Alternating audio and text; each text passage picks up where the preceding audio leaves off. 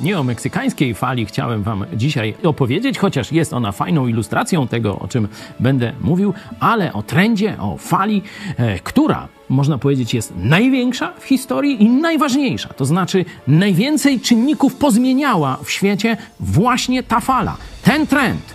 Jaki? Najpierw przeorał Jerozolimę, potem cały starożytny Rzym, całe imperium rzymskie, a do dzisiaj Biblia jest najbardziej poczytną księgą wszechświata, także świata współczesnego. Kto ten trend wywołał? Kto to zrobił?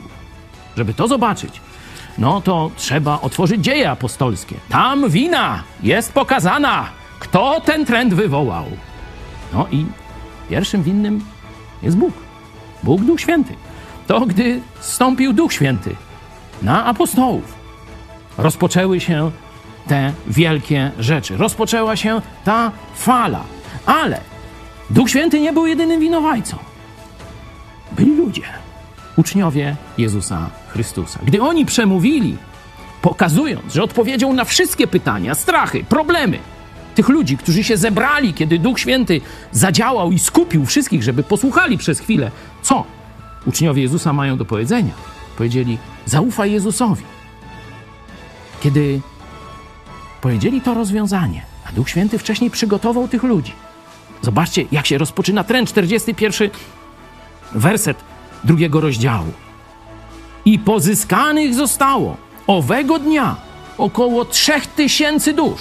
Kilkanaście tysięcy ludzi się zebrało, nagle trzy tysiące z nich wali do Jezusa, do apostołów, chce się ochrzcić, mówi, że uwierzyli w Jezusa. Ten trend zaczął się dwa tysiące lat temu i do dzisiaj trenduje najbardziej w całej historii.